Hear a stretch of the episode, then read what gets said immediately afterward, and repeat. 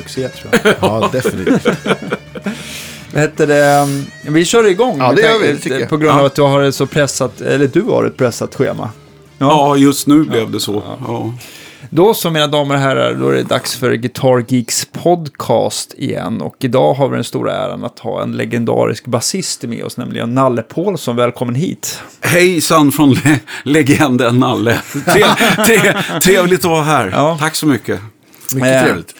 Var börjar vi någonstans? Alltså, du har ju spelat med allt och alla och är för närvarande aktuell med att spela med eh, Therion. Ja. Och eh, där har du varit med i några år, i alla fall så länge, inte så länge jag har känt dig, men det måste ju, det inte tio år, men över Jo. fem. Är det tio år? Jag har varit med i tio år nu. I år faktiskt. Jag började i oktober 2008. Ja, så att jag har varit med i en tredjedel av Therions karriär. Ja, just det. De har ett Bandet har funnits sedan 87 tror jag. Ja, Okej. I eh, 31 år nu. Alltså. Är det någon som har varit med sen, sen början sådär? Ja, han som skapade bandet och är ledare, Kristoffer Jonsson. Då. Ja. Han är den enda. Vad spelar han då? Han spelar gitarr. Ja. Och- Ja. Just det. Ja. Ja. Kompgitarr mest, va? Ja, han spelar komp. Han spelar väl några enkla solon också. Ja, precis. Ja, Annars har det en fantastisk gitarrist från Argentina som heter Vidal, va? ja Christian Vidal, han bor för närvarande hemma hos mig nu när vi ska börja repetera idag. Så. Jaha, okej. Ja. Men annars är han stationerad i, i Sydamerika. ja, han är från Argentina. Ja. Ja. Härligt. Man, Så- man tänker själv att man är utspridda band ibland. Ja. Men eh, ni vinner helt enkelt. Ja, jo, ja, det är en bit. Jo, han kom hem till mig, i- vad var det, i förrgår här. Så jag hade glömt bort att han skulle komma. Och så hade jag stängt av, stängt av telefonen och, och satt och höll på med inspelningar. Och så kom min dotter och sa helt plötsligt att din kompis är här. Jag, det liksom trillade inte ner en polett. Så liksom tittade jag, ja just det, han kom från Argentina precis. Att du skulle ha hämtat mig på Arlanda. nej, det skulle jag i och för sig inte ha gjort. Men nej, han kom raka vägen. Det var inga problem. Ja. okej. Underbart. Men ni ska ut på någon sväng nu. Då misstänker jag om, ni ska, om du ska iväg och repa och han har kommit från Argentina. Jo, vi ska nu åka till, eh, till eh, Ukraina på fredag. Där vi är med på en festival. Ja. Och eh, sen så är vi hemma några dagar efter det. Och den 3 eller 4 september så åker vi till Kina först och sen till Australien. Var i Kina då? Ja, säg det. nej, men, nej, men det blir Peking och eh, Beijing som det heter Ja. nu. Va? Och Shanghai. Sen är det tre stycken mindre städer som Ja. jag inte minns vad de hette för något. Som är bara på 15-20 miljoner stycken. precis. Ja, Något typ. sånt där ja. ja. Nej, och sen i, i fem spelningar just det i Kina och tre stycken i eh, Australien då. Ja, coolt. Och det är väl Melbourne, Sydney och något, en Perth, stad till. kanske. Ja, ja, ja, jag kommer Eller inte något. ihåg faktiskt. Men jag brukar bara följa med och så hamnar vi rätt. Ja. Händer det ofta att, det, att det, du inte har någon aning om vart ni är någonstans? Ta fel land och fel Nej, inte väl när vi är där. Då vet jag vart det är. Men, sen, men liksom vart var vi skulle imorgon. Sådär, liksom. Ja. det, det är inte alltid man vet. Och nu innan det så. Innan det här så var vi ute och gjorde från första februari. Till om jag slår ut perioden fram till mitten på juni. Så gjorde vi 84 spelningar. Eh, Oj. Runt om. Vi gjorde först 54 i Europa. Sen åkte vi till Israel och gjorde en spelning. Sen åkte vi till Ryssland, gjorde två spelningar och så avslutade vi Ukraina. Och efter det, äh, det- sen var vi hemma i två veckor, sen åkte vi och gjorde 24 spelningar i Latinamerika också. Så det har varit ett otroligt Shit. åkande. alltså. Ja, vilket år. Men har ni precis släppt någon skiva då eller? ja, vi har släppt en, en rockopera på tre och en halv timme. Oj. Åh herregud. Framför ni den live också? Nej, Nej. vi tar vissa, fem låtar ifrån den. Hur långt blir det då? 40 minuter eller? Nej då, nej, det är regelrätta Ja, det är det. Okej. rocklåtar liksom. Men, men ehm, nej, det, allt det andra det överlämnas till eh, att lyssna på och liksom på plattan. Just det, för, för nu vet jag inte om det alltid har varit så, men Therion, eh, ni har väl alltid två sångare mer? En som gör de här opera-grejerna och så en... Eller hur? Vi har tre sånger. Tre sångare, Förut oj. hade vi fyra. Vi har Thomas Wikström Ja, som sjunger då det mesta. Han varierar ju mellan att sjunga lite opera och, och vanligt mest rock eller popsång. Då liksom. Sen är det hans dotter Linnea som är med. Hon gör likadant. Och sen har vi en renodlad sopransångerska från, från Italien som heter Chiara Malvestiti. Eh, förut hade vi även med oss Snowy Shaw. Men det var några år gamla- sedan. Ja, då. Den legendariska trumslagaren. Ja, precis. Och allt vad han är. Allt i allo. Men, eh, ja, nej, men han, eh, han var ju med, men han eh, hoppade av. Och sen har ju han spelat med diverse olika. Och håller på med sitt eget nu då. Okej. Men vi, för övrigt, så, nu är vi ett sjumannaband. Så, Och hur mycket folk runt omkring eh, släpar ni med er? Eh, det är väl fy... Vad hade vi nu? På Europaturnén hade vi nog sex stycken i crewet, tror jag. Eh, nu blir det lite mindre variant. Nu är de tre eller fyra stycken när vi åker till Okej. Australien och Kina. då. Men alltid ja. någon front of house och någon scentekniker måste det Ja, ja. ja. Och så åker det ja, någon med på merch ibland och, och backline och sånt där. Då, Just det. Ja. Eh, Kan du, eh, jag tänkte, du som ändå har sett större delen av världen med, med Terion, har, har ni någon så här favorit, eller har du någon favoritpublik någonstans där det känns extra kul? Och, Ja, det, det, det Om man säger Europa, Polen är väldigt bra. Och, och Ryssland också. Det är många andra ställen. Alltså jag skulle kunna räkna upp många andra. Men, men det är ju någonting speciellt med Latinamerika. Det är det. ja. Var man glada. Speciellt i Mexiko. Där är ju publiken galna. Alltså, de har en liten, det är en liten annan mentalitet där. Liksom. Eh, De är mer lössläppta, mer vilda. Liksom.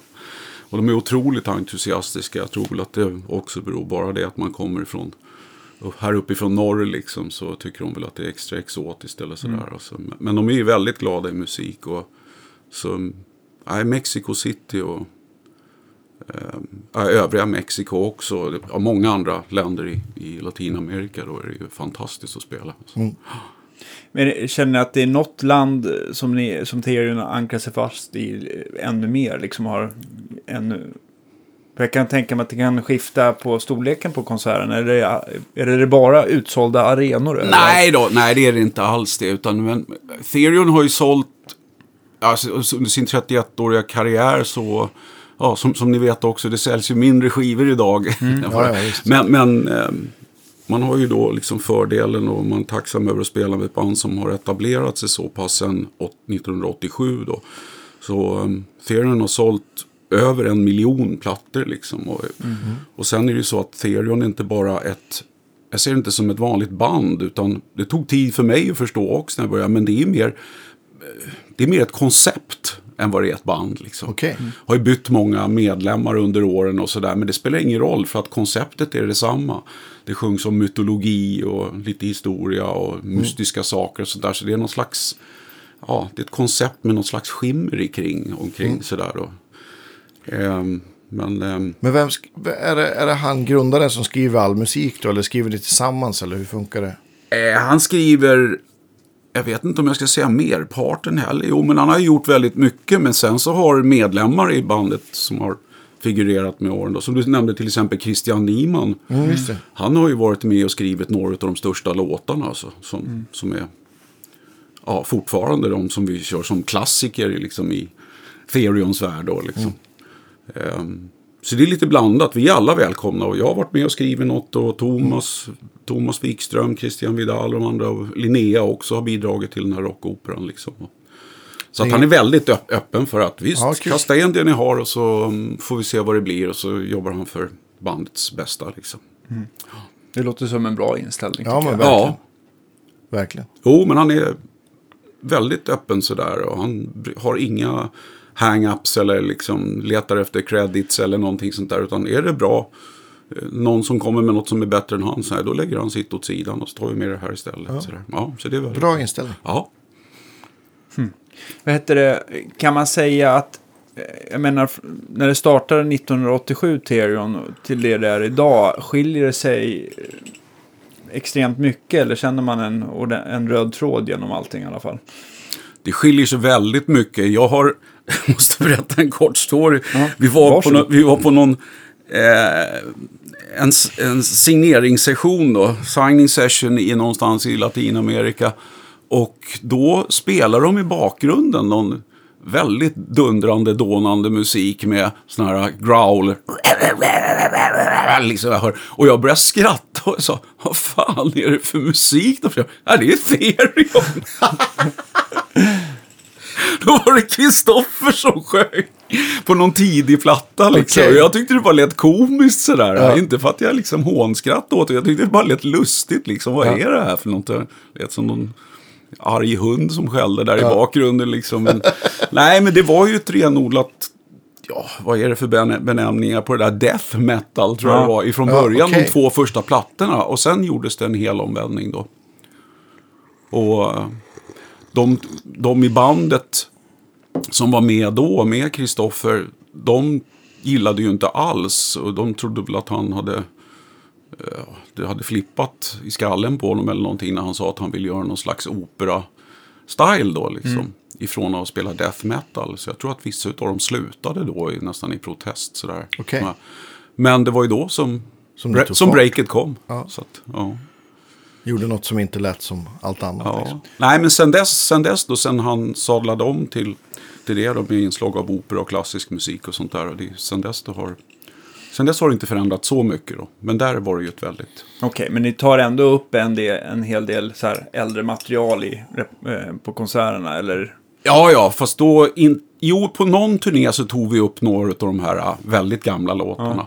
Men överlag nu då, även fast vi har släppt vad är det, tre plattor som jag har varit med på, bland annat den här tre och en halv timmes operan, så kör vi mestadels, vi kör, ja, vi kör på två timmar så kör vi fem låtar ifrån rockoperan och allt annat är gammalt material. Och det tycker jag är väldigt bra, det är ju som man vill att sina Ja, gamla idoler ska göra också. Exakt. Man vill inte gå och se Deep Purple eller Rolling Stones och hoppa över de här klassikerna. Nej, men eller hur. Så att det är, vi gör samma sak då. Det tycker jag är bra.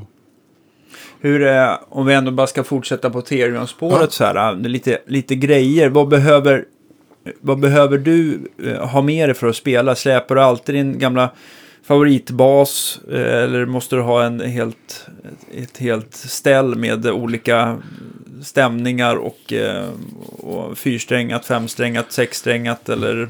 Nej, jag, jag, jag har i och för sig min favoritbas som jag har. Det är en Yamaha BB 1600 som jag haft sedan 86. Den använder jag mest till inspelningar och så här när jag spelar hemma. Men när vi åker på turné med Ethereum så har jag en, en annan Yamaha. Jag har ju spons från Yamaha då. Så, eh, Jag har, alltid, jag har aldrig sett det med något annat. Nej, jag gillar det. Jag trodde när jag jobbade på Deluxe ett tag att jag skulle hitta någonting annat. Men ja, nej. Men vi är ju gamla arbetskamrater. Ja. Ja. Fantastiskt. Eh, ja, men nej, det var, jag, då, då testar man ju allt. Du vet ju allt som Ja, hängde på absolut. väggen. Och det kom in nytt och nytt. Och så, Mm. och så här, men jag, faktiskt, jag hittade aldrig någonting som, som jag ty tyckte kunde ersätta det. Utan, nej, men jag har en, vad heter den? Jag kan ju knappt alltså.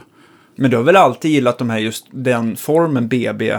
Ja, precis. Jo, jag Sen har det ju bara på varit olika serier av dem. Ja. Och jag vet ju att du, du gillar ju, det behövde inte vara de här dyraste eh, Japanbasarna heller nödvändigtvis. Nej, nej. Utan de, det kunde vara... Nej, jag har gjort inspelningar och det. Jag har ju nog billigare varianter och sådär också. De, de låter bra allihop faktiskt. Mm. Alltså, jag brukar rekommendera och inte bara för att jag har spons ifrån dem och sådär. Utan för att jag faktiskt tycker Du att de måste kan- säga så. Ja, precis. Ja.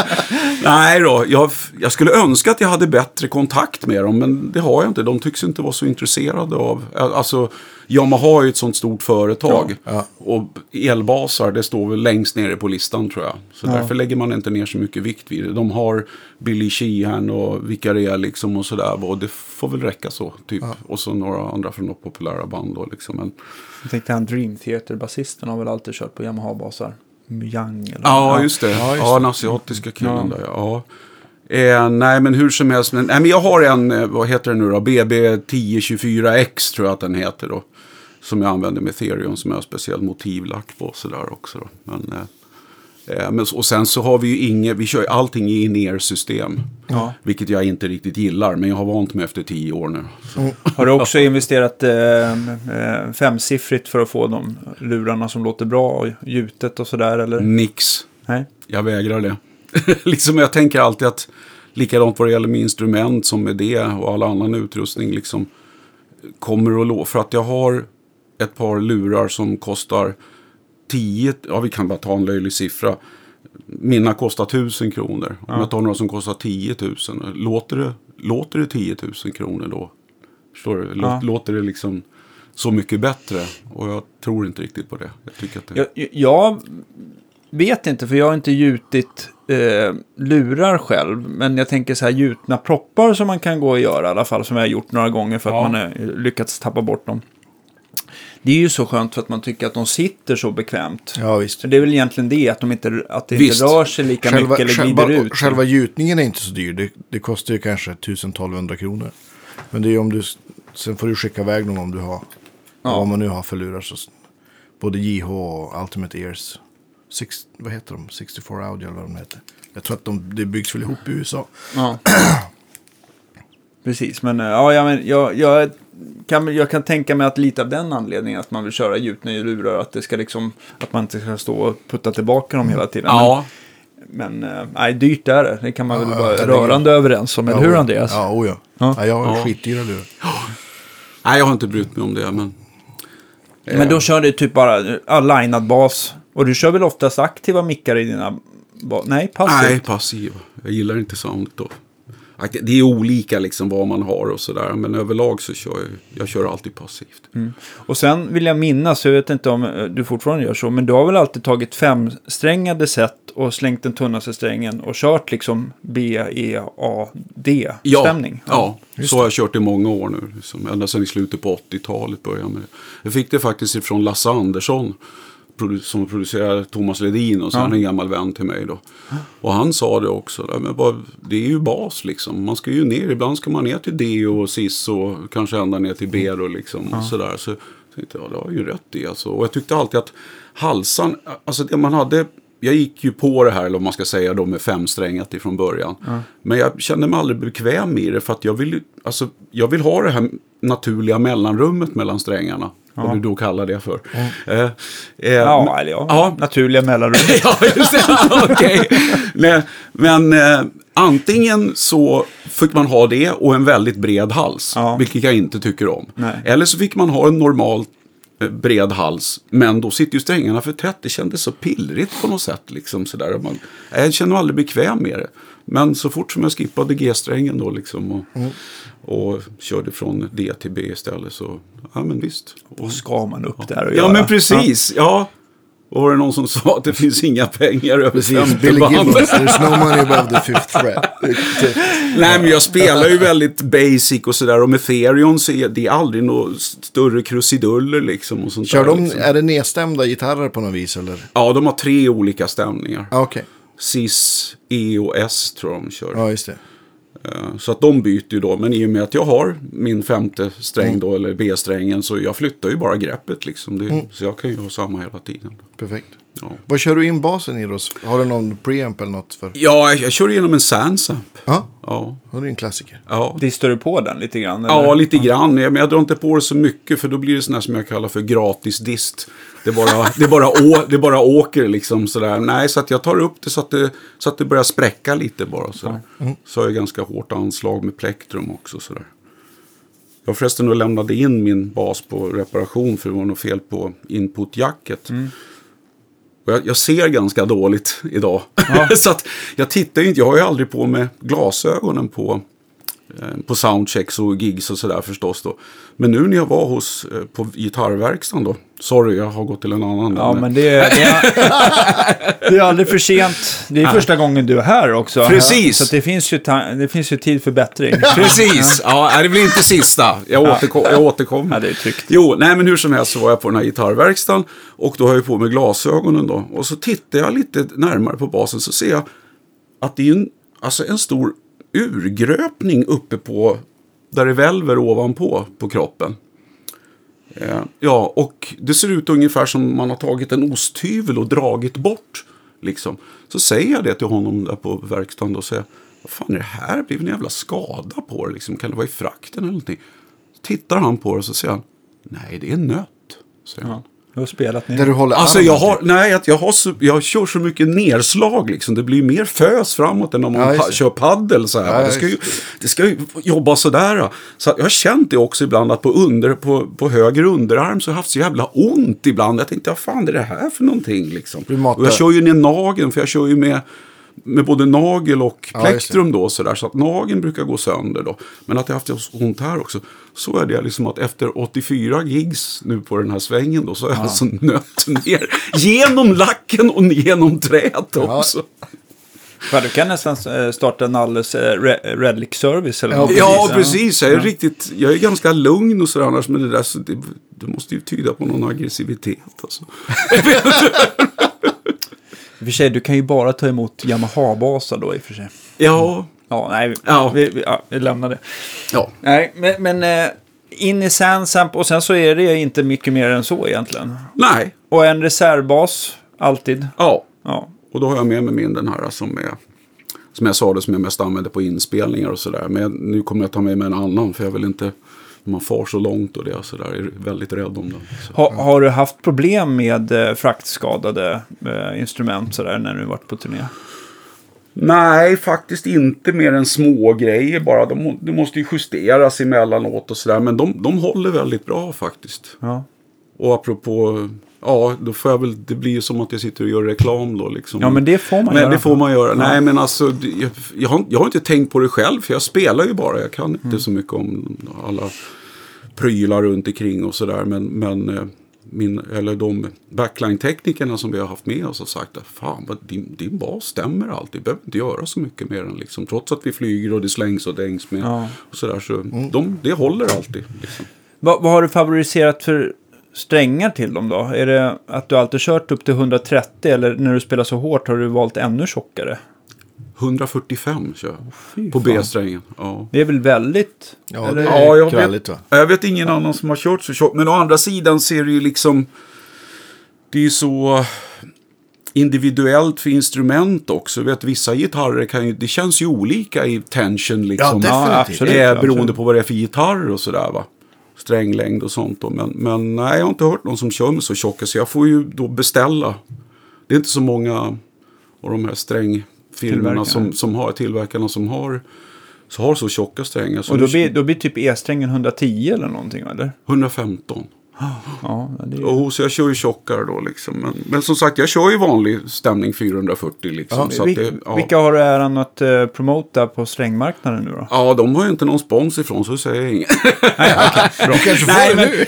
jag hade faktiskt en bra deal med, eh, vad fan hette de då? Dunlop förut. Ja, Ja.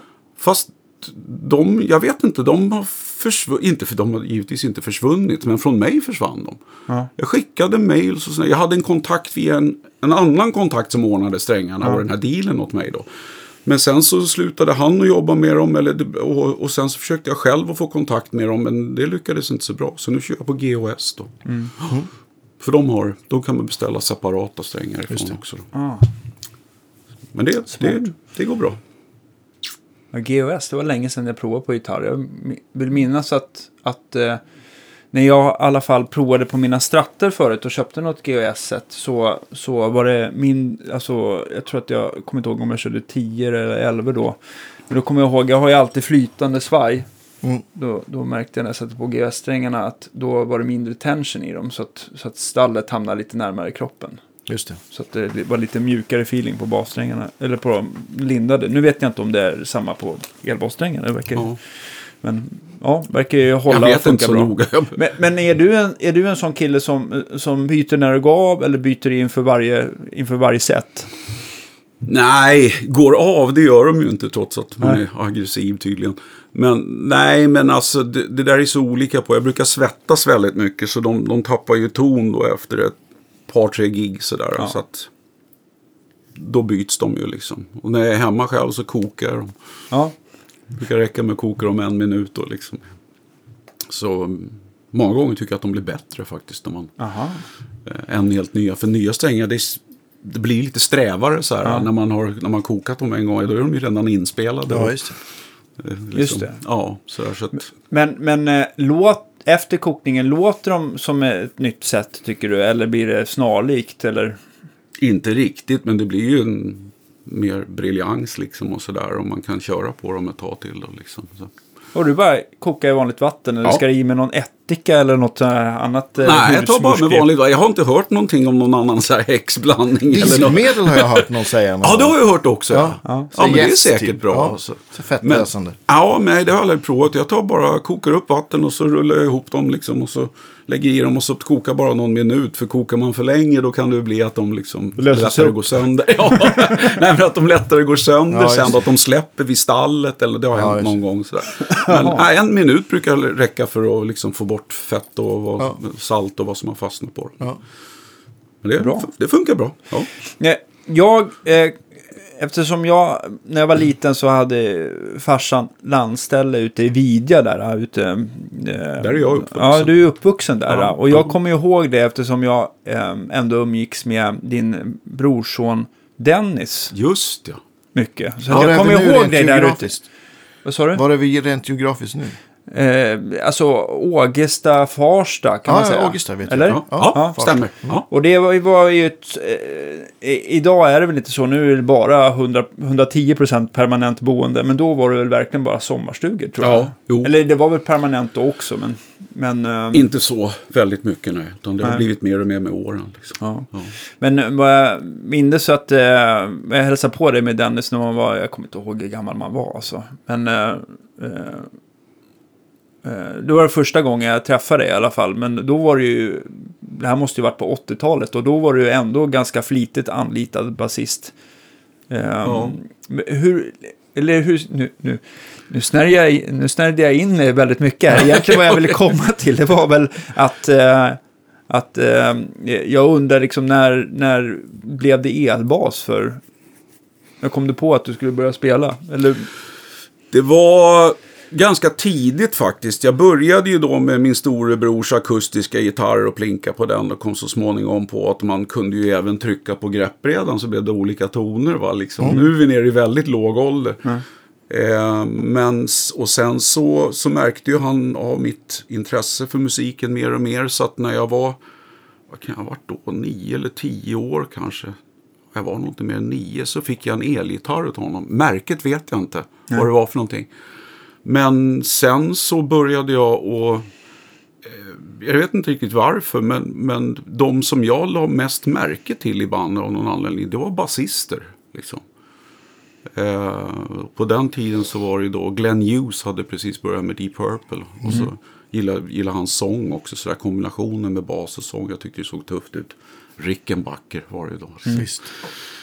Roger Glover från Deep Purple, det var Steve Priest från The Sweet. Och, man- så att jag, jag vet inte, automatiskt så gled jag över bara med, med, mer och mer på det. Och sen så spelade jag då med en, för den tiden, en ganska flink gitarrist. Jag spelade två gitarrer och trummor där på sitt. Men det blev då att jag liksom spelade mer bas på gitarren. För jag kunde ju inte lika mycket ackord och det honom. Så jag spelade det. i grundtoner och sådär. Så då övergick det till det. Och sen, nej, sen stod det som självklart bara att jag skulle lira bas. Så, Vem, vem, så vem var bara. gitarristen i fråga? Ja, Det var en kille, en granne till mig som heter Leif Hedman. Men det, jag tror inte att han har gjort någon vidare karriär efter det. Då. Men, Nej. men han, eh, hur som helst så, så blev det bara bas. Och det, det kändes som att nej, men det, det är jag. Det är en del av mig. Sådär. Ja. Jag brukar säga det ibland, när- andra ställer samma fråga så tror jag att det beror på... Jag brukar jämföra med, min farsa var byggnadsarbetare. Och hade jag, var, hade jag varit byggnadsarbetare så hade jag nog varit som honom, en som hade eh, lagt eh, cement, betong. Grunden liksom. Ja, grunden. Sta, det, det som gör huset stadigt. Sen Ja. får finsnickeriet får någon annan pyssla med. Liksom, sådär. Så jag vet inte, det, jag tror att det hör ihop med det. Att man vill göra basic saker, liksom, Mm. tror jag. Med betoning på base. Ja. Ja, Ja. Men, men, eh, hur, efter, efter den trion där, eh, när fick du första elbasen då? den... Ja, just det. Jag kan säga eller, hur gammal jag var då. Jag tror att jag var 11 år när jag köpte min första bas. Och det var en, jag vet inte hur det uttalas fortfarande, Arbiter. Arbiter. Men det var inte det en ganska fin?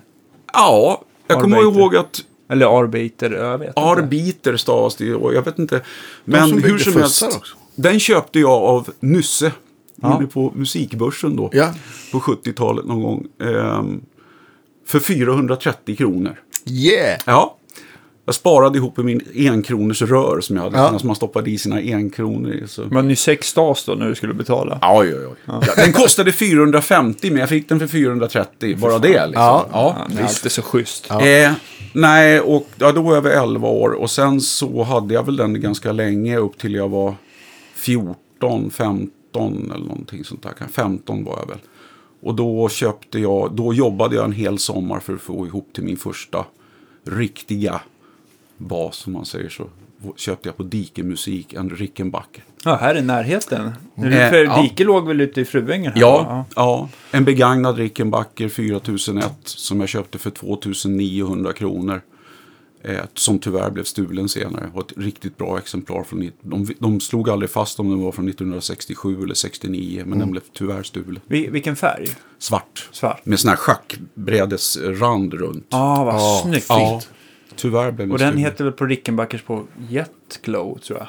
De sätter ju Ingen alltid aning. glow efter allting. Ah, Maple glow, fire glow, Ja, jet glow. Ja, Ja, ja, jag hade- Onödig kunskap. Nej, bra kunskap. 47. Jag hade den mellan 1978 eller 79 fram till 1986 blev den stulen. Då. Var blev den stulen någonstans då? Inne på, vi gjorde generalrepetitioner eller proddrep inför Niklas Wahlgren som jag åkte med då. Ja, Ehm, inne på Draken, inne vid Fridhemsplan. ja just det. Och det var så otroligt typiskt alltså, eller vad man nu kallar det för. Vi hade repat klart och jag, pack- vi pa- packade ihop basen och allting la in i, i, i caset och sådär. Och så sa jag, har du är klara, då har vi en dag ledigt tills vi börjar. Nej, men säger Niklas, jag vill köra imorgon också. Nej, så behöver vi inte det. Oh, men jag känner mig osäker, jag vill köra. Så jag tog en diskussion och sa, ja men okej, vi kör imorgon också då. Den natten så blev det inbrott på Draken och de snodde Tobbe Steners gitarrer bland annat och min Rickenbacker och allting. Var lite ödesdigert. Nej, vad tråkigt. Men hur som helst. Den, ja. Sen har man testat lite olika basar efter det. Så lite olika märken och sådär. Men Du har aldrig kommit tillbaka till Rickenbacker? Nej, Ja, det, är, det- är fortfarande mina absolut, absoluta top notch. Jag tycker alltid att det där är en bas. liksom. Men, men, eh, nej, men jag vet redan då, då hade man ju inte så mycket koll som man förhoppningsvis har idag. Men jag vet att jag testade många andra Rickenbackers. så Jag tyckte aldrig att det var någon som, Nej. som kändes bättre än den jag hade. Jag tror faktiskt att det var ett väldigt bra exemplar. Men, nej, men sen har det bara blivit Yamaha då. Liksom. Var det Men- då det blev Yamaha? Då den försvann eller? Nej. Då, fick jag en, då skaffade jag en ersättningsbas. Jag kommer inte ihåg vad den hette. De ser ut som en Music Man. Okej. Ja, det kanske var Music Man. Nej, det var inte en Music Man. De var så precis. De hade tre bokstäver. Jag kommer inte ihåg. Men det var alltså det var en väldigt fin, fin bas där liksom och dyr. Men eh, nej, jag trivdes inte riktigt med den heller. Så efter det blev det nog Yamaha. Så, ESP körde Ja. jag på ett tag också. Ett kort tag. japanska. Eller, ja, Ja. de Ja. vet jag inte om de började där. kanske var ja. mer. Eh, jag är lite dålig. Vi skulle ha kul att prata med någon sån här E ESP-schekter-expert. Charvel kanske. Men vi får Ja. ta det. Något annat program och efterlysa någon expert. Exakt. Eh, men eh, jag tänkte på innan det blev vägen fram till att du blev anlitad av Niklas Wahlgren. Hur var, hur var vägen dit? Eller hade du bestämt dig innan att du skulle liksom bli basist? Eller gled du in på ett bananskal? Eller hur såg det ut? Ja, det, blev, det skedde på automatik bara. Man, liksom, musik var det enda man höll på med. som säkert ni har gjort också. Har spelat med band i garaget hemma och man hade spelningar på ungdomsgårdar och vad det var för någonting. Det var ju, spelande var det ju enda man höll på med. Jag har aldrig haft intresse av moppe, motorcykel eller sport eller någonting. För mig har det bara varit musik jämt då. Så att, eh, nej, det bara löpte på. Sen, jo, sen fick jag då erbjudande att hoppa med ett band som heter Koda. Koda. Ja. Ett funkband. Och jag visste ju att de hade, de hade ett skivkontrakt. Och bara det på den tiden var ju liksom, det här var 1980. Ja. De var spelade i våran skola, jag gick i Brännkyrke gymnasium. Ja. Och eh, jag tyckte det lät väldigt, det kanske inte riktigt var hundra typ, mi- min typ av musik. Men det var, det, oh, jag gillade Earth, Wind and Fire på den tiden. Så att det gick lite åt det hållet, lite funkigt och sådär.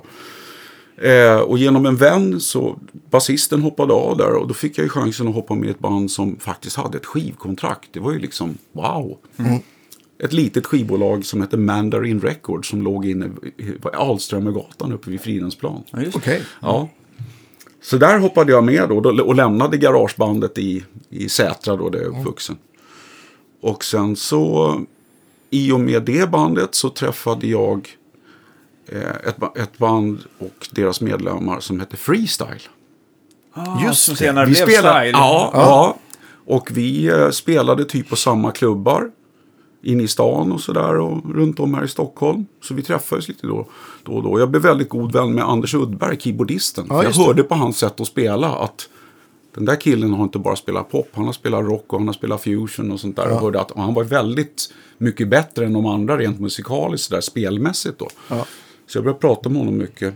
Och då var ju freestyle med i, nu går jag snabbt framåt. Ja, men det är jättebra. Ja, eh, Freestyle Boy slog igenom med dunder och brak. Och sålde hundratusentals plattor med Då var vill ha dig och... Nej, vill ha det? Va? ja, ja. Just det. Det var Vill det. ha dig i mörkret hos mig och Just sådär. Christer Sandelin och Tommy, Tommy Ekman, ja visst. Jo. Och så någon eh, tjej på sång där också som jag har glömt. Ja, precis. J. Hamilton och Diane hette hon. Ja. Eh, ja, det där löpte vidare och jag, jo, jag blev väldigt god vän med Anders Uddberg då, keyboardisten. Och han eh, hörde sen av sig till mig och sa att eh, ja, vi har ju varit med i den här filmen G. Just det, Uggla. Och Staffan Hildebrands, ja. som bland annat Magnus Uggla var med i också. Ja. Och eh, han sa att eh, ja, nu har de, det har slagits fast att en kille som heter Niklas Wahlgren, jag har faktiskt fortfarande inte sett den här filmen. Ja, Nej. Men han sa att det är en kille som heter Niklas Wahlgren som har visat sig vara väldigt populär, har blivit väldigt populär i mina Och han ska göra en platta nu. Vill du vara med på det, sa han. Eller, jag vill att du ska vara med, eller hur Ja, det nu var. då skulle han prodda. Självklart, ja. Och eh, så halkade jag in på det. Och därifrån, där var det som att där gick det ett startskott. Liksom. Där kom jag ju, började vi turnera. Det såldes en del plattor. Jag var med och skrev låtar och producerade och sådär. Och sen efter det så flöt det bara på. Jag var ju ute mycket i svängen då och sådär också. Så att nästa anhalt blev när Niklas Wahlgren la av så, så hade Tone Norum slagit igenom. Då träffade jag henne. Ja. Och jag var ganska framåt på den tiden. Jag sa, vill du ha ett bra band till kommande saker? Ring mig.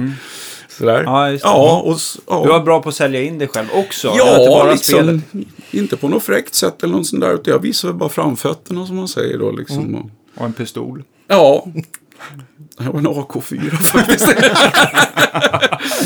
Niven också i Ja, kniven. Ja, nej, men nej, och sen efter det så kom jag in på, det var Easy Action då med Tommy Nilsson och Just Kim. Marcello. Och det, vi ska väl också minnas eh, Kristoffer Lind var väl med och spelade Ja, ja. som numera bor granne med mig också. Ja, Ja, fantastiskt. Eh, Världen är liten.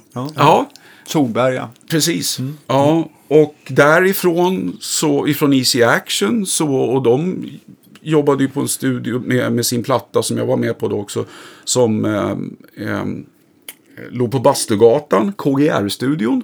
Och R i KGR, det var Kvistborg, Rickfors. Jaha. Nej, K- Nils Kvistborg, Kvistborg alltså.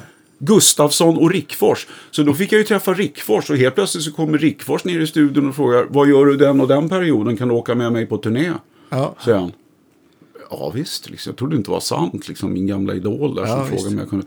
Nej, och sen dess har, det- har det bara löpt på. Liksom. Jag hörde ganska nyligen Rickfors eh, sjunga. Han sjunger ju fortfarande fruktansvärt alltså. bra. Han sjunger väldigt bra Ja. fortfarande. Ja. Ja, Jag ska faktiskt åka med honom och Mats Ronander till Kanarieöarna någonstans. Eller Teneriffa eller någonting sånt där i oktober. Så Ja, ska kul. vi göra två gigs där. Jag har varit med på Ronanders nya platta också. Som Mm, jag tror kommer ut i slutet på året. Ja, kul. Förhoppningsvis. Ja. ja. En fin podcast den med Ronander tycker Ja, jag. Ska verkligen. ni- Gjorde ni en? Ja, Ja, absolut. visst. Ah, kanon. Ja, han är bra. fantastisk musikant. Ja, ja, jag är verkligen. stor, eller jag är vän med honom, men han är fortfarande en stor idol för mig också. Så jag tycker han är en av de... Ja, helt fantastiskt. En av de Sverige, få- Sveriges Clapton brukar jag säga. Ja, det säger jag också. Ja, en av de få som, är, som i mitt tycke är, han är musik. Ja, liksom. visst. Han spelar inte bara musik, han är musik. Han är, jag tycker han är helt fantastisk. Men, men eh, det blev ju inte bara bas på den tiden vad jag har förstått heller. Du Nej. förstår var jag vill komma någonstans. Ja, Ja. det, Det det, är till världens bästa band-koncept lite grann. Eller? Jaha, okej. Eller? Jag tycker- Nej, det, nej, jag, har så mycket, jag har så mycket i bakfickan, vet du. Ja, ja. nej, jag har, nej, du tänker på ABCD då? Ja, absolut. När Det du var- var Nalcom. ja. ja. Ja. Jo. Det var det första du gjorde när du satt där så spelade du. Jag vet inte om det var Gun Shooting eller vad du spelade för. Ja, nej, det var du nog uh, Shoot the Thrill, tror jag. Shoot the Thrill var det ja. kanske. Ja. Men du var ju ändå så här, jag kommer ihåg när vi jobbade på Deluxe och, och jag vet inte när det kom, det kom in någon som skulle spela ACDC eller någonting så kommer jag ihåg så här, bara, nej men så där spelar man inte. För det är ändå så här, det är inte så här självklart, även om man tar ut rätt ackord så de slår ju liksom ackorden Ja. inte alltid som man tror och sen så visar det så bara, jaha, okej, tack. Ja, jo. Jo, man Svart har väl närmaste... Ja, precis. Svart bälte eller professor eller vad. Jag vet inte, alltså. Jag har ju aldrig suttit med, med Malcolm. Jag har faktiskt och pratat med honom en gång på Café Opera. Nej, vad coolt. Ja, jag satt faktiskt ganska, ganska länge och pratade med honom där. Men, men tillbaks till det där med ABCD. Men jag, har ju, jag är ju, om man säger det, att man är gitarrist ifrån början. Liksom. För att det var ju Ja. så man började på en gitarr. Och sen så, och det har faktiskt med åren, jag har blivit väldigt förvånad. Man får ju inte, man, det finns ju någonting som heter jantelagen. Man får ju inte sitta och säga bra saker om sig själv. Får Jag, man, får jag man det? hatar Ja, jantelagen. Ja, det gör jag med. man Hur mycket bra sig saker själv. vill. Och framförallt oss då, Ja. hur mycket man vill. Nej. kan- ja, ja, nej, kör, men- kör bara. Ja, okej. Ja. Då tar vi bort jantelagen Ja, för en stund och säger precis, jag ska säga ordagrant vad, vad Kristoffer sa till mig. Eh, som sagt, jag spelade in en soloplatta då som är mitt pro- soloprojekt kallar jag för Royal Mess. Och det är liksom basic. Många tycker att det låter 80-tal, 70-80-tal. Eh, och jag spelar alla kompgitarrer, en del solon också spelar jag själv och sådär. Och innan jag släppte den här plattan så hade jag med mig eh, låtar och spelade i turnébussen. Och så spelade jag upp lite så jag vill ni höra lite av plattan jag kommer släppa? Liksom, ja visst, sa de andra i bandet till Therion då. Och så spelade jag ett par låtar. Och så vänder sig Kristoffer om till mig och sa Vem spelar kompgitarr? sa han. Ja men det är jag, sa jag. Varför har du inte sagt till mig att du är den bästa kompgitarristen i det här bandet? Jag skönt. så att, så han, då bokade han upp mig för eh, en inspelning där jag spelar kompgitarr för ett annat projekt. Och sen så spelar jag faktiskt hälften av alla kompgitarrer på den nya plattan. Ja, coolt. Ja, så jag spelar både bas och kompgitarr. Jag spelar både elkompgitarr och akustisk gitarr också. Mm. Så um, ja, jag har hört det från någon annan också, att de tycker att det låter stadigt när jag spelar. Vi måste tillbaka till då du pratade med, pratade med Malcolm. Jag, Ja, just det. Ja. Ja. det var häftigt faktiskt. Det kan jag också dra. Ska jag försöka dra så kort som Ja. möjligt. Jag går och tittar på ACDC 1996 på Globen. På Ja. Ballbreaker-turnén. ja. Och fantastisk konsert. Efteråt så åker vi in till stan och går på Daily News som det hette då. Kungsträdgården. Och eh, vi kollar på ett band där. Och så efter ett tag, då bodde jag inne på Söder. Så jag tänkte att ah, nu är det nog för ikväll, jag går hem. Tar en promenad hem, bodde borta vid, eh, på Rutger Fuchsgatan. Eh, borta vid Skanstull. Och då går jag förbi Café Opera. Och jag tänker att jag var ju ute så mycket på den där tiden på 90-talet. Så jag tänkte jag går in och kollar. Jag tittar inte, det är ganska glest där inne. Det var inte så mycket folk. Men jag tänker jag går in och kollar om jag ser någon polare. Jag ska ändå bara hem liksom. Ja, går och tar, tar en kort sväng. Och direkt när jag kommer in där, då ser jag vid ett bord sitter Malcolm, Phil Rudd och Angus. Sitter där med två. Jesus. Och det är, alltså, det. ja, det är ganska tomt med folk där inne liksom. Och jag går ju fram direkt till dem liksom. Då kommer en av snubbarna fram och säger till mig, han var väl någon bodyguard eller någonting. Så här, han var inte en stor och kraftig, men han var någon som var med. Så du slog ner honom? Ja, så sa han, if you, want, if you want you to leave, you leave. Sa han till mig lite bakom så här. Ja. Men jag, jag, kör. Men jag satte mig på huk bredvid honom där och presenterade mig och sa att jag spelade med bandet ABCD. Vilket han säger, sa att han, jag sa i alla fall att han kommer ihåg, för vi har ju Men ni, för han anlitar väl eh, Bengus som var gitarristen till en av de här vi- rockvideorna de gjorde va? Nej, inte till videon, men däremot så när de släppte låten Who Made Who Just det. vad, efter okej. Fly on the Wall så uh, gjorde de så att varje stad eller varje gig de kom till så utlyste de tävlingar. Så var det lookalike som stod bredvid med pappgitarrer, så precis som på videon. Ja, ah, just det. Och då hade jag turen att känna eh, några personer uppe på tidningen Okej som utlyste, ut, utlyste den här tid, eh, tävlingen. Så att jag sa det till honom, kan du inte spika en plats åt Bengus? Han har ju redan kepsen och allting. Ja, just. Självklart, sa de. Han får vara med. Ja. Så att, ehm, och då gav ju Bengus, våran gitarrist, han gav ju eh, de t-shirts som vi hade tryckt upp med, Ja. med, med våran logga då, liksom snott av dem. Och, eh, de fick våran första platta, en EP som vi gjorde med sex låtar. Och så, här, så han, vi började prata om det. Och, och han pratade faktiskt mer med mig än vad jag pratade med honom. Så att det var inte alls att jag var på honom sådär. Ja. Men, eh, det var jävligt trevligt. Så jag hade med mig, jag kom ju direkt ifrån konserten. Så jag hade ju med mig, vad heter det? Ja, sådana här häfte som man kan köpa. Ja, liksom, med, turnébok med bilder. Ja, så, turnébok. ja. Ja. Så att jag gick till, eh, till baren och hämtade en penna. Så då skrev jag så jag kan inte sign- signera till mig då, till Nalcolm. Så här, han skrattade åt det, han Ja. tyckte det var kul. Så han, jag har fortfarande kvar den hemma. Han skrev To Nalcolm ABCD from Malcolm ACDC. Ja, skrev. vad tufft. Och så fick jag Angus, Shit. Angus och Phil Rudds autograf där också. Fan. de- Vilket band egentligen, jag får gåshud. Ja, jag Ja, med. jag- Alltså, jag, det, de är, Shit, alltså. nej, de att jag, har, jag samlar ju på Kiss-prylar också. Oj, ja. ja, men faktiskt, jag Ja, det låter så jävla härligt när du säger du kanske ska komma hem och kolla på mina Kiss-prylar. kateter och grejer.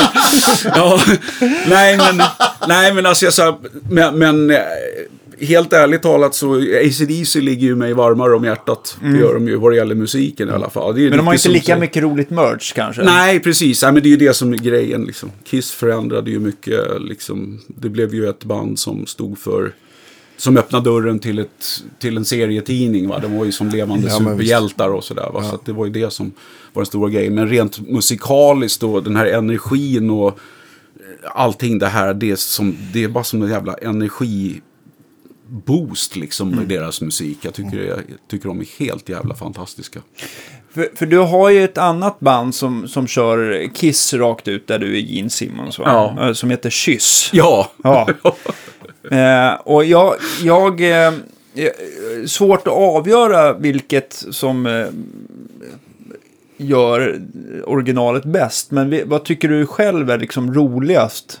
Att vara Nalcolm eller Gene Simmons? Det är så otroligt olika alltså. Alltså du... Spela kompgitarr och vara Nalcolm i ABCD, det är ju som... Det är ju känslomässigt liksom. Då är man ju faktiskt sig själv. Ja, det förstår jag. Eh, för att det blir ju bara så. Man känner ju samma, det, liksom, det går igenom hela kroppen. Va? Men eh, kyss, det är ju mer teater om man säger. Det är det ju. Gå Så in då- i, i rollen. Ja fast, det, ja, ja, fast det är häftigt också. Det, man blir faktiskt någon annan när man tar på sig det där sminket och det. Alltså, man, känner, man kan nästan få en förnimmelse om att ja, man kliver in framför filmkamera eller någonting. Liksom, att Ja. man ska vara med i en, någon movie av något slag. sådär. Ja. Så det, det är en jätterolig känsla också. Det är bara det att man ska ju se, se till att man inte kliver fel och de här blåhöga platådojorna. Det är mycket att tänka på. Det ska spottas blod och sprutas eld. Och det är mycket praktiskt. Det är mycket praktiskt. Ja. Ja. Jag ska inte bara hitta rätt strängar. ja, nej men det är kul bägge två. Jag älskar det där med lite teater. Och... Men, det, men eh, ni är ute och kör lite någon gång ibland i alla fall. När, Ja, när checken är på rätt belopp så att säga. Ja, alltså det, jo. Nej, men det, det handlar ju om liksom att, man, att man ska tycka att det är kul och att det är, det är värt det hela. Liksom. Det är väl inte bara, som du säger, checken i det hela. Utan, utan, men jag vet att när jag klev med dem ifrån början, det var likadant med ABCD, att det är lätt att det bara blir ett harvande. Liksom. Ni vet ju själva hur det är. Ja, ja. Det ska vara värt att åka ut. Vi ska ha kul och det ska kännas som när man har familj och allting hemma så bör man i alla fall få någon slags lön för mödan. Liksom. Men, nej, men vi, har, vi har någon, någon nu, har- det har blivit mindre och mindre faktiskt med åren, men vi har ju så oerhört mycket annat att göra, vi som är med i banden. Då, så. Ja, det verkar ju som att det är otroligt fullbokat med Therion och annat. Ja, och Chris Laney, han är ju numera medlem i danska bandet Pretty Maids. Just det. Som är med i Kyss då också. Va? Ja, så, att, ja, så det blir mindre och mindre med, med Kyss och sådär. Men, men, men någon gång så dyker det upp ibland. Och då Vad är är det, ABC då? Är det... ja, det är någon enstaka gång ibland också då. Men där var ju Mats Levén då på sång som är... Just det, men ni hade ju den fantastiska Eh, nu står det helt... Eh, men jag tänkte på Hujanen gjorde väl en fantastisk Brian Johnson. Absolut. Verkligen. Ja. Fantastiskt bra. Jodå, men han, han la ju av redan, när var det, 94 och sen dess har vi haft Mats Levén. Liksom. Ja. Jag såg er i Eskilstuna för, oj, det kanske tio år sedan kan det vara det. På någon stadsfest eller någonting. ja, ja. Det var fantastiskt bra. Ja. Och jag är också så här, Angus är liksom anledningen till att jag jobbar med musik. Ja, det är jag så? ja, ja, visst. Ja, Jag är sjukt petig. Ja, ja. Men det var fantastiskt bra, måste Ja. jag säga. ja. Och då var det Mats Levens. Och det tycker jag är coolt, för, för Mats gör ju liksom både, han gör ju båda sångerna rättvisa, liksom, ja. tycker jag. Jo. Han är väl, han är väl en, en av de bästa kameleonterna om man säger så. Att han kan ändra röstläge Ja. och göra olika saker. jo, absolut. Var inte han också medlem i Ethereum under en period? Jo. Eller? Ja. Han var med fram till 2007. Jag kommer inte ihåg när han började, men han måste ha varit med två, tre år eller någonting sånt där i alla fall. Tror jag. För nu, Ja. för nu kör han ju med Lasse Johansson där i... Nu står det helt stilla bara för det. Som vi har haft podcast med. Candlemass. Candlemass. ja, just det. Ja. Ja. Han gör väl massa saker Ja, också. Fullt schema. Jag måste få berätta en sak Ja. bara. Som Ja, är, som, som, är, det här, som, är det här det bästa? Ja, ja. Det vet jag inte om det är det bästa, men det här är fakt- faktiskt väldigt kul alltså. Vad det gäller med ABCD. Vi har ju då släppt, vi, först så gjorde vi en, en eh, mini-LP eller EP eller vad man ska kalla det för med sex låtar. Den släpptes väl 87 tror jag, eller någonting sånt där. Sen så gjorde vi ju faktiskt två stycken fullängdsalbum och släppte CD-skivor.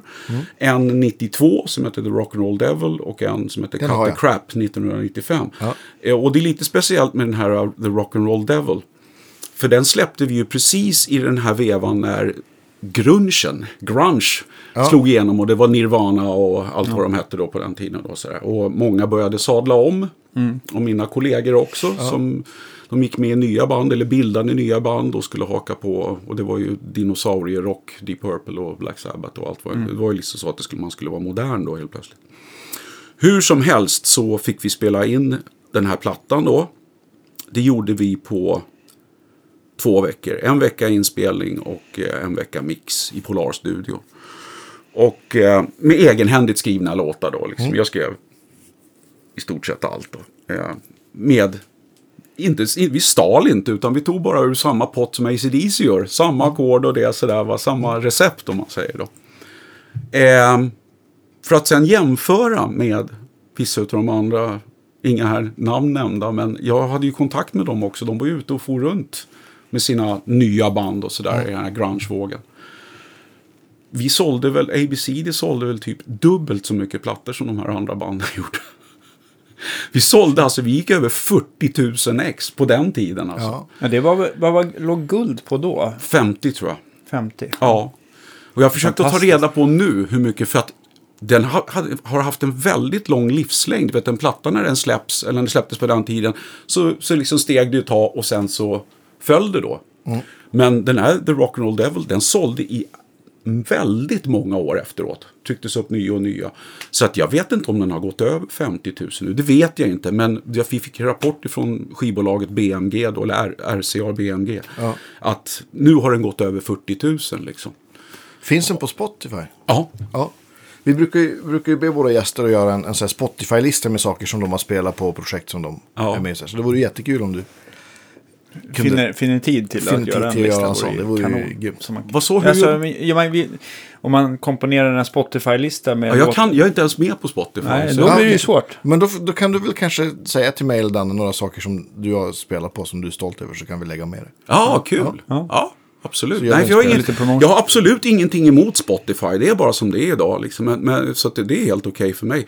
Men däremot så, jag lyssnar så lite på musik. Mm. Så det låter ju inte så mycket att man betalar, vad är det, 99 kronor i månaden va? eller någonting sånt där. Mm.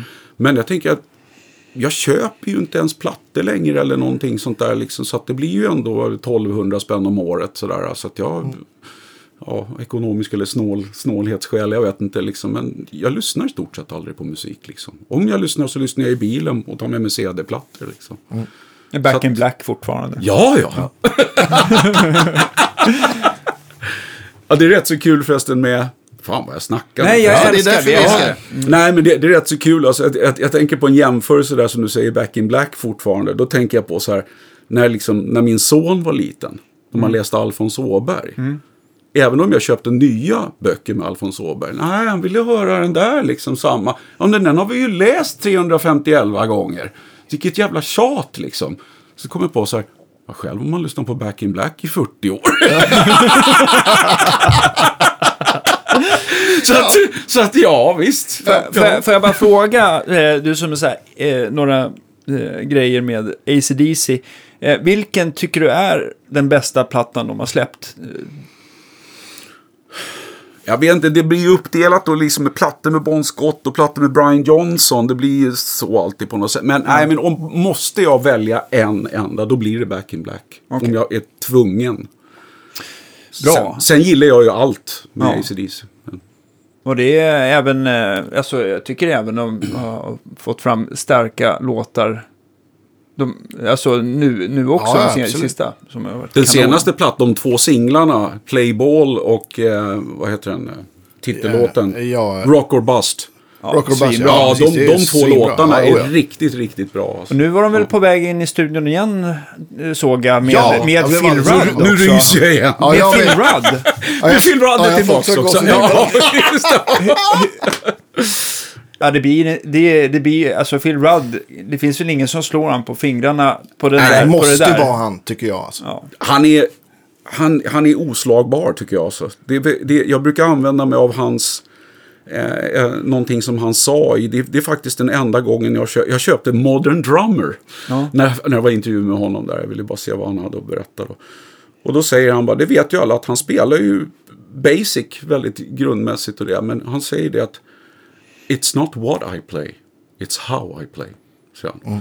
Och, det, och så är det ju liksom. Vad spelar det för någon roll om man kan alla de där krusidullen om man inte kan det Vad tror- grundläggande? va? F- Tror du att det finns någon så här, någon, något avgörande med Phil Rudd som gör att det låter så unikt ho- honom på något sätt? Har du analyserat det? Nej, och det är just det. Att jag tror att de som är... De som har det som han har. Det är just därför att han vet inte vad han gör. Han bara gör. Och då blir det så. Sen kan musiken, andra sitta. Mm. och analysera. Men, men liksom, det går inte att komma dit. Antingen så har man det eller så har man det inte. Liksom. Mm. Det är någonting speciellt med hans timing. Riktigt vad det Och är, touch, det vet jag liksom. inte. Ja, Ja. ja. timing, touch med hans anslag och... Ehm, Ja, man Nej. börjar ju liksom nicka med huvudet så fort han drar igång. Ja, ja. Det är Nej, helt otroligt. Ja, det är makalöst alltså. Det är det som, lyssna på Highway to Hell till exempel. Precis. Alltså, det, är så, det är så basic straight drumming. Men det, alltså, det är... Det bara sitter där. Det är som klister alltså. Det, Mm. det svänger så att det svartnar som man säger. För det har ju, alltså även om de har haft duktiga ersättare så har det ju aldrig blivit lika bra. Nej, Nej, nej. Han har något speciellt och det, det går inte. Jag, jag kan inte riktigt sätta fingret på det. Utan det, det känns bara. Mm. Hur, hur funkar det nu med Steve Young istället för när, när eh, Malcolm har gått bort? Jag tycker sista plattan låter, han spelar ju väldigt likt honom. De har Ja, ju visst. rattat in samma sound och sådär. Så att jag, nej, jag tycker han, han gör det bra. Han spelade alltså. väl till och med på Malcolms gitarr på inspelningen. Tror Ja, jag tror läste det. någonstans Ja. också. Så att han, nej, han har samma touch där. Så att i sin helhet så. Han vickade väl också på Blow Up Your Video-turnén va? det var, ja, det var någon gång där 88 eller någonting Ja. sånt där som han la in sig för sitt alkoholmissbruk. Precis. Och då fick Stevie hoppa in då. Ja. Kommer inte ihåg hur länge men. Nej, jag tror att det var en del av en USA-turné tror jag. Just det. Ja. Ja, just det. Han var ganska törstig där. Ja. Ja. Jo, men jag tror att han shapade upp sig från det sen också. Så, ja. Eh, med hemligheten att få fram eh, Malcolm-ljudet. Är det en eh, Gretsch typ Duo-jet med eh, de tjockaste strängarna du kan hitta och en, in i en Marshall? Eller? ja, det är Ja. väl det. Ja. Jag, hör, jag har hört att han hade...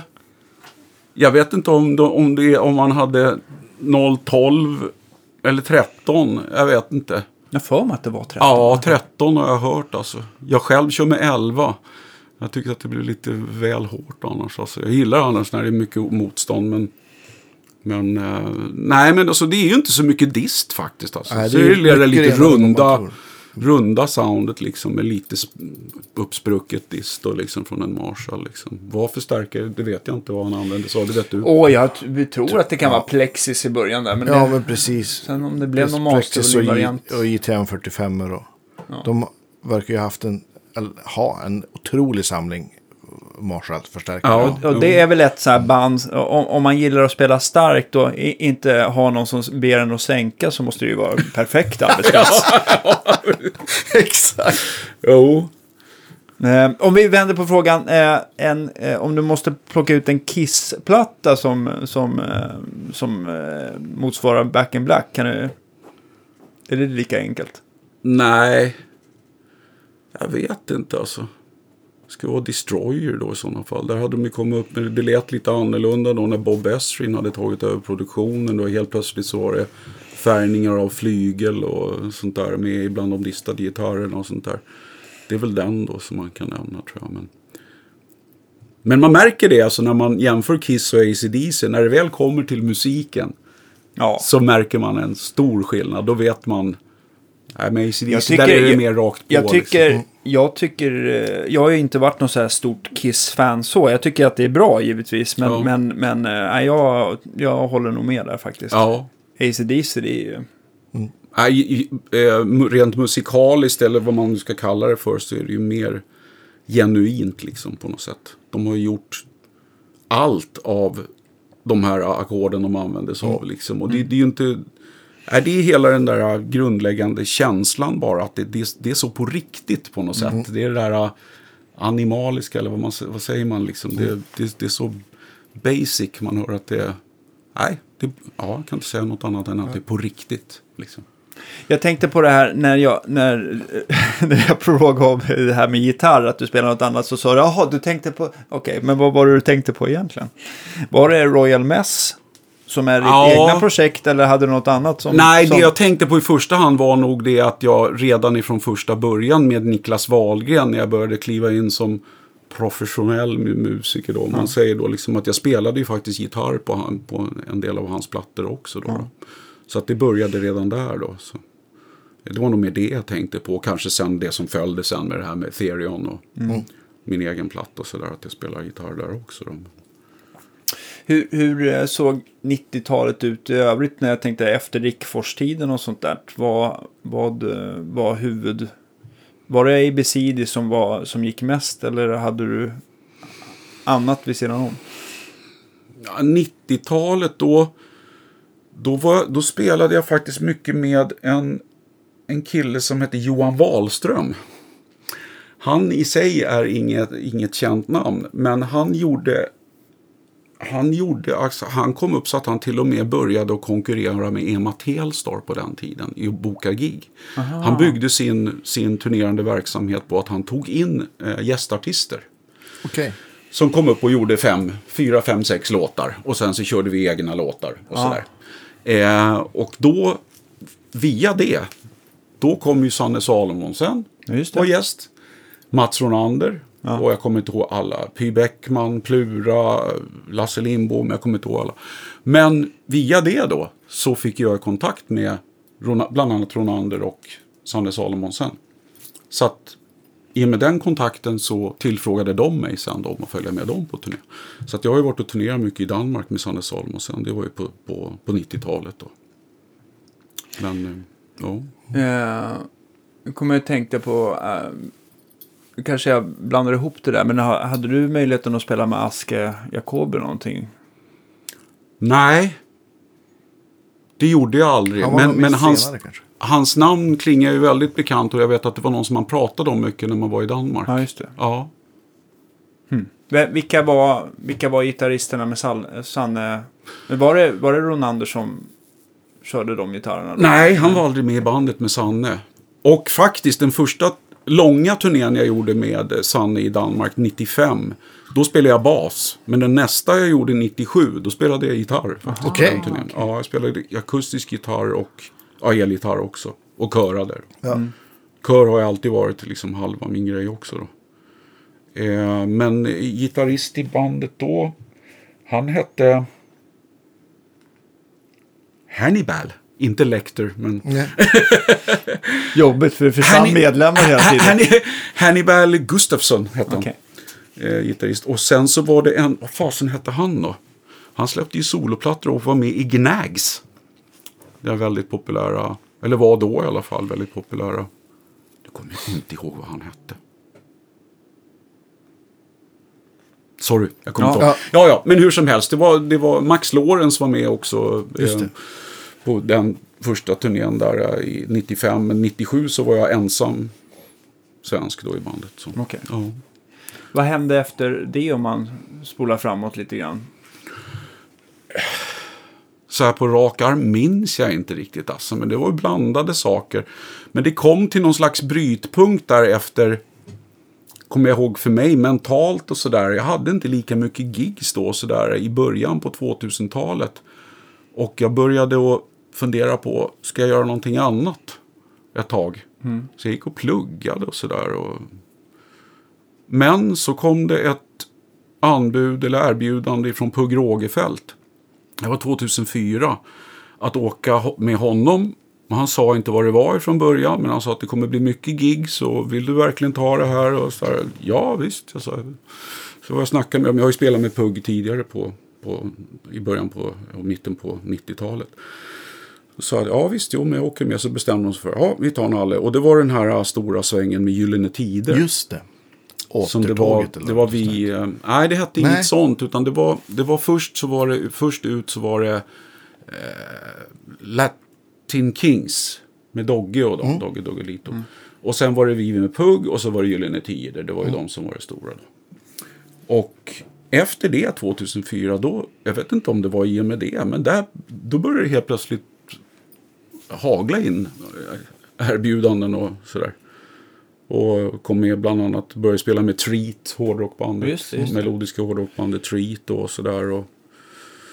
Du gör det fortfarande va? Nej, Nej. jag la av där. Två- två- 2012 la Okej, jag av okej. där. Men, eh, nej, och sen så lite längre fram så, sen blev det allehanda, allt möjligt och så, ja det har varit Kyss och ABCD och man har vickat och man har spelat med olika artister och ifrån 2008 då så hoppade jag med Ethereum. Så det, det har varit min huvudsakliga uppgift sedan dess då. Liksom. Fantastiskt tycker Ja, jag. verkligen. Ja. Ja, Ah, vi håller på, nu får, håller vi på att glömma Dr. Bajskorv. Ja, men alltså du pratade, jag kommer ihåg när jag ringde upp dig och sa, frågade om, eller jag kommer ihåg om det var Messenger eller om vi pratade, nej jo, jag tror att det var utanför, eh, utanför Stora Coop här borta. Och du sa att, vet du vad, bara, jag har släppt två låtar här, barnlåtar, och det har streamat som fan på Spotify, eh, för det har väl gått jättebra för dem. ja Alltså om man jämför, för du släppte ju din egen Royal Mess-platta som du tyckte liksom fan i jämförelse så har det ju gått mycket mindre liksom.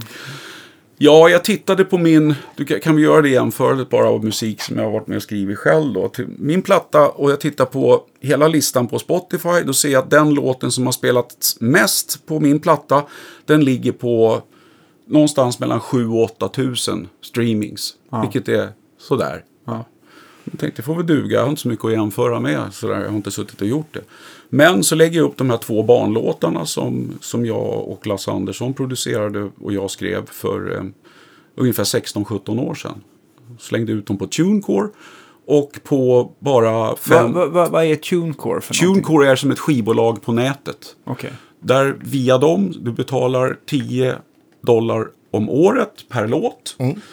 Så fixar de så att det slängs upp på Spotify, iTunes och alla andra pla- plattformar som finns. En digital distributör. Just, så heter det. Med modernt språk. Och jag tittade in där efter några månader bara. Det har inte ens legat där i ett halvår nu tror jag.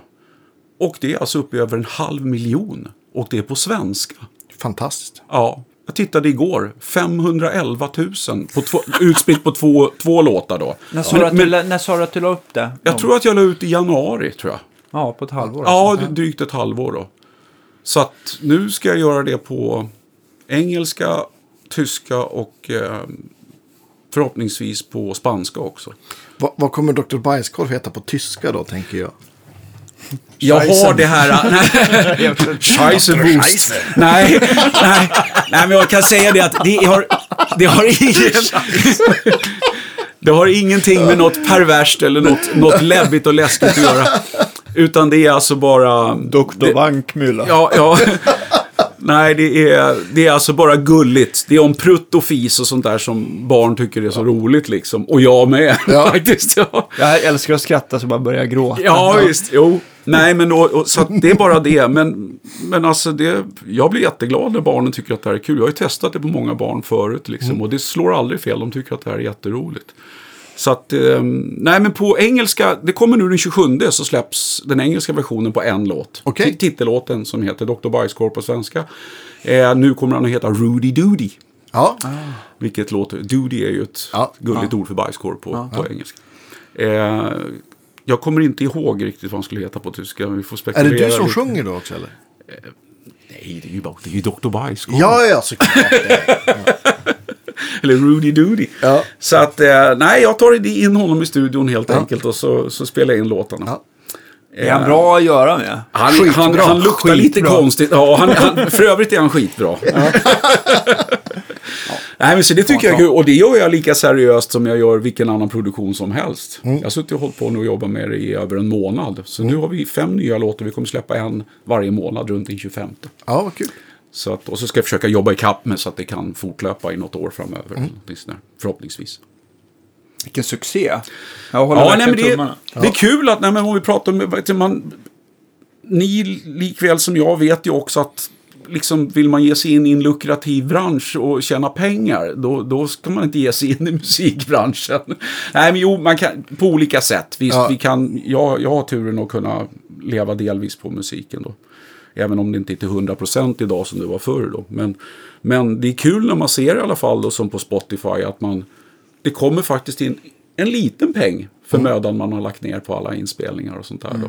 I och med denna barn, de här barnlåtarna. Ja. Vilket inte har hänt. Så det här är första gången det har faktiskt sett att det kommer faktiskt in pengar. Även om det är lite så kommer det i alla fall någonting. Så är det plus. Ja. plus helt plötsligt ja. ja. Plus vet jag inte om det är med tanke på all tid och möda man lägger ner. Men det gör ingenting. Man håller ju på med, med musik Ja, för att det är roligt. Men man tycker ändå att det känns roligt. Alltså potentialen att det ska kunna gå bra i de här Ja. äh, länderna med större befolkning känns ju jätteroligt. Alltså. Ja, nej så att det är klart att det vill man ju sprida dyngan. Precis. Gödsla ordentligt. Ja. Hörrni ni, fa- Ja, fa- fasen alltså. ja. Jag måste ju tyvärr runda av här för att jag måste åka och repetera. För jag Ja, åker ja. till Ukraina på fredag. ja, men du, tack som... Eh, eh, tack som. Stort tack för att du har kommit. Eh, skitkul helt enkelt. Ja, Eh, jag tänkte vi får väl kanske ta vidare någon gång i framtiden och göra en del två och prata vidare hur det faktiskt har gått för Dr. Bajskorv i, i Tyskland. Ja. Och kanske eventuellt hur det gick i Kina och Australien. Ja, eller hur? Eller Fast Precis. det är ju parentes. Men, men, eh, nej, men jag känner det också när man börjar. Jag pratar ju sin åt helsike som ni hör här. Men, men alltså, jag märker det själv när man börjar prata om det. Ofta så tänker jag, det känner, måste ni känna också, att man man tycker själv att eh, det är väl inte så märkvärdigt. Man bara spelar och så Håller gör det så lite, bara. Så. ja. Men när man börjar prata om det så tänkte jag, fasen vad mycket grejer jag har varit med och gjort. Alltså, det, här- det poppar upp mer och mer. Och jag tänkte så här, vi hade ju kunnat pratat om eh, tiden du spenderar med Micke Dubois Svullo. Ja, ja, Alltså ja. det, ja, det, ja, det finns ja, jag producerade mer. en platta och skrev åt honom en hel Ja. platta. Ja, Ja. Okej. Så det finns ju mer, det finns ju mer grejer att prata om. Det gör det Eh, definitivt. Men, eh, Så det vore jättekul att komma tillbaka. Ja, Men ja, när vi gör en del två så kan vi göra det när ni känner ja. för det. absolut. Ja. Vi bestämmer det helt enkelt, tycker jag. Ja. Jättekul. Nej, men jag är väldigt tacksam för att jag fick komma hit idag. Ja. Oerhört Äran är vår. Ja, äran Skitkul att du kom och gästade vår Ja, podd. Verkligen. Tack ännu, för idag. ännu en gigant. Ja, Ja. tack för idag. Ses nästa torsdag, hörni. Hej då! Ha det bra. Hej då. Tack så mycket.